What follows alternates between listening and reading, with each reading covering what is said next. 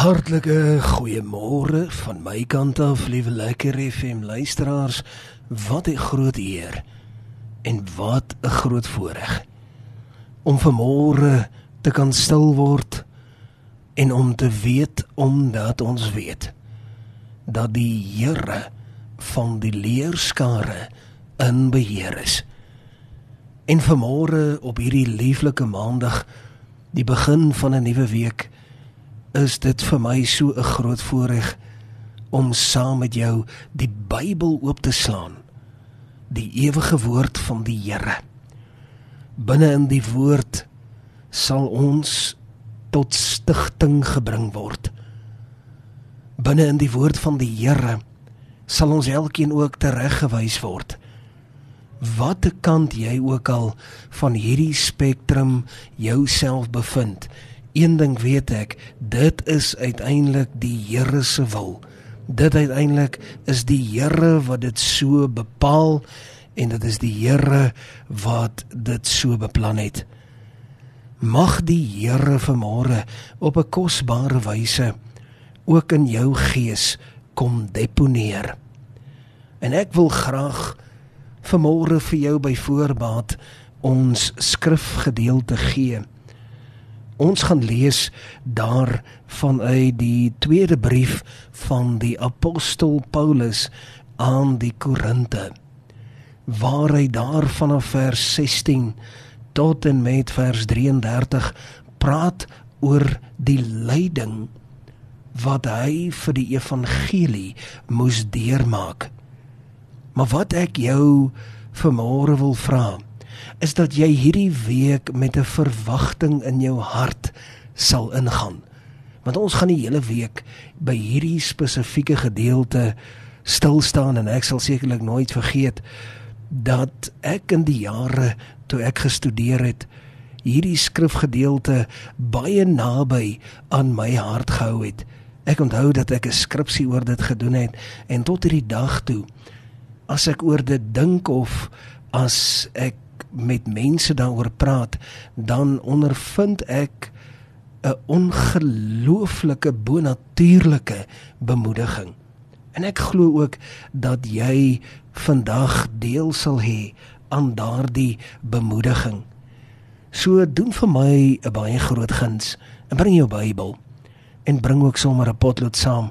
Ons gaan die datum daar neerskrywe 2 Korintiërs 11 vanaf vers 16 en ons gaan saam lees. Ek lees vanmôre net tot daar by vers 23. Daarna sal ek hier by môre se kant verder gaan en dan kan ons vertrou dat die Here dan nou ook die merk sal tref soos wat hy die merk wil tref. Kom ons lees dit saam.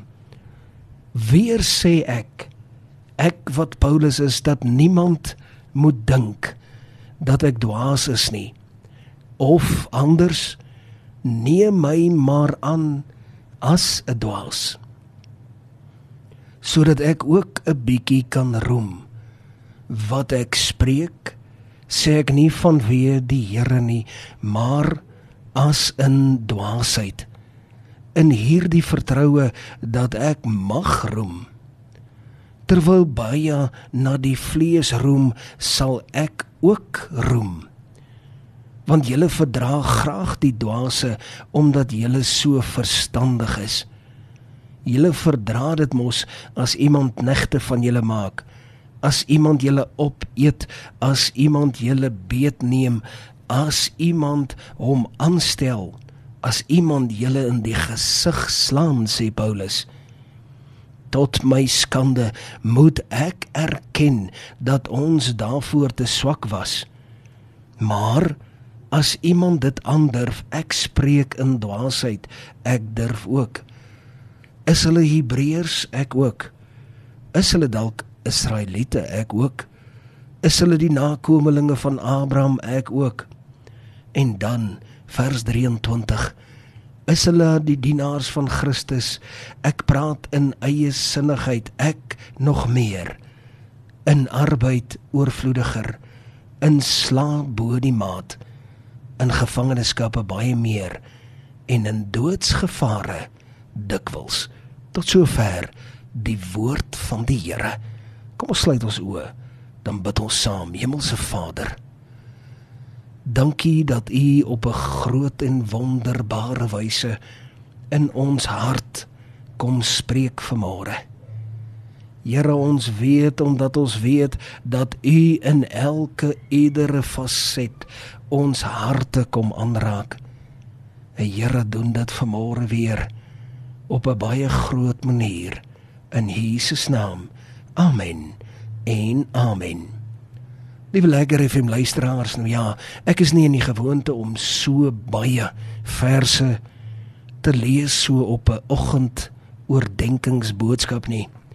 Maar gewaar ek in my hart dat ek tog maar net die agtergrond wil skep met betrekking tot vanmôre en ook die res van hierdie week se boodskappe om dalk net so 'n bietjie dit binne in konteks verstaanbaar kom maak. En ons weet dat Paulus tot 'n baie groot mate met sy unieke skryfstyl eintlik hier op 'n baie skerp wyse met een en elkeen van ons kom praat selfs 2000 jaar nadat hy geleef het. En wanneer 'n mens hom afbreek en hierdie saak 'n bietjie meer in 'n verstaanbare taal kom oopmaak, dan sal dit meer ietsie klink in die lyne van onthou julle sê Paulus dat ek julle vroeër gevra het om my nie te gou as 'n dwaas af te skrywe nie. Dan sê Paulus so kosbaar of anders, doen dit tog maar sodat ek ook 'n bietjie kan spog.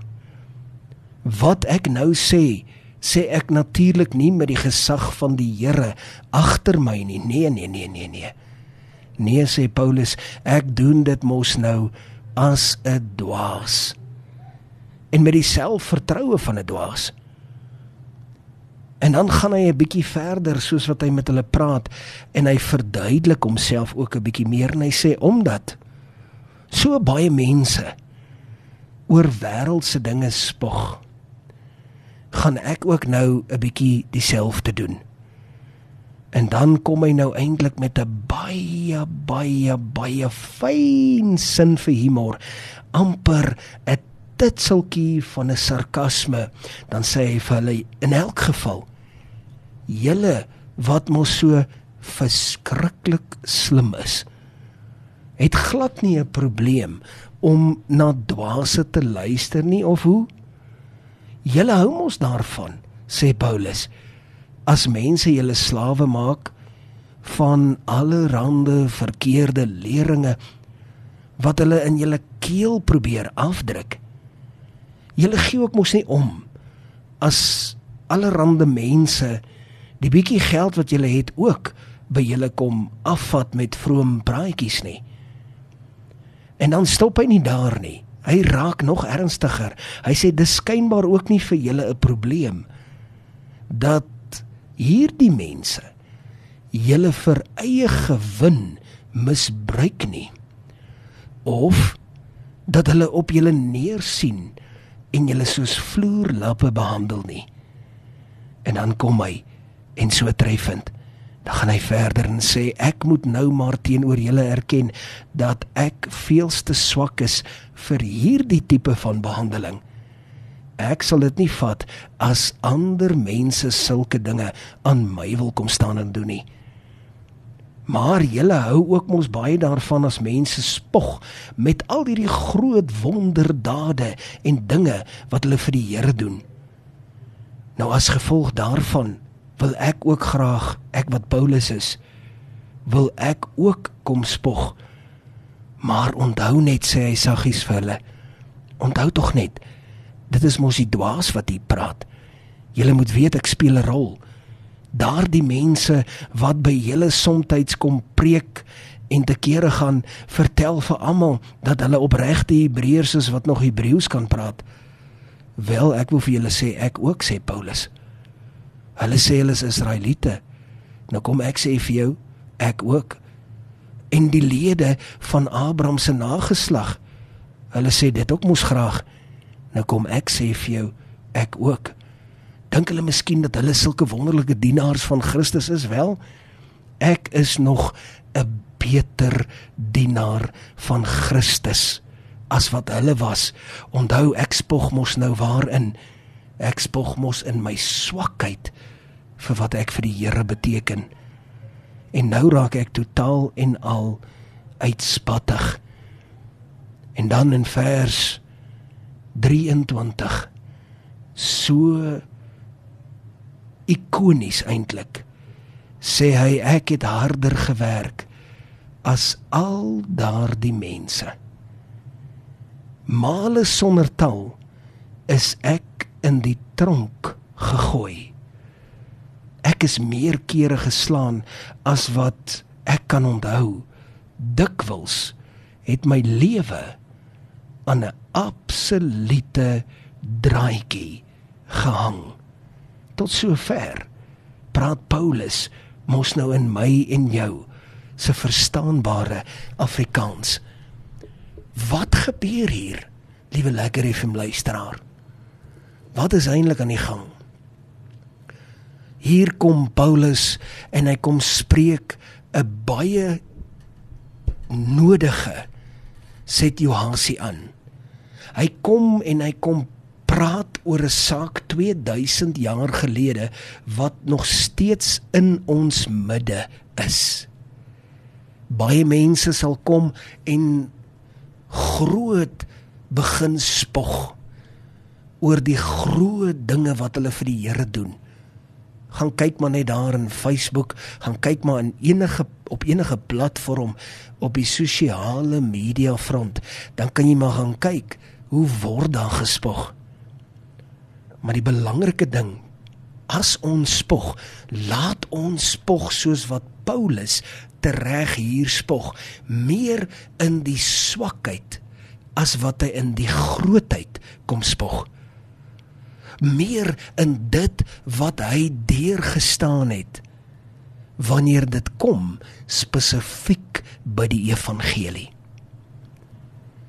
En dit is hier waar hy dit letterlik verduidelik. Hy sê, weet jy wat? Ek was al so baie in die tronk gegooi dat ek al vergeet het hoe baie maal ek al toegesluit was.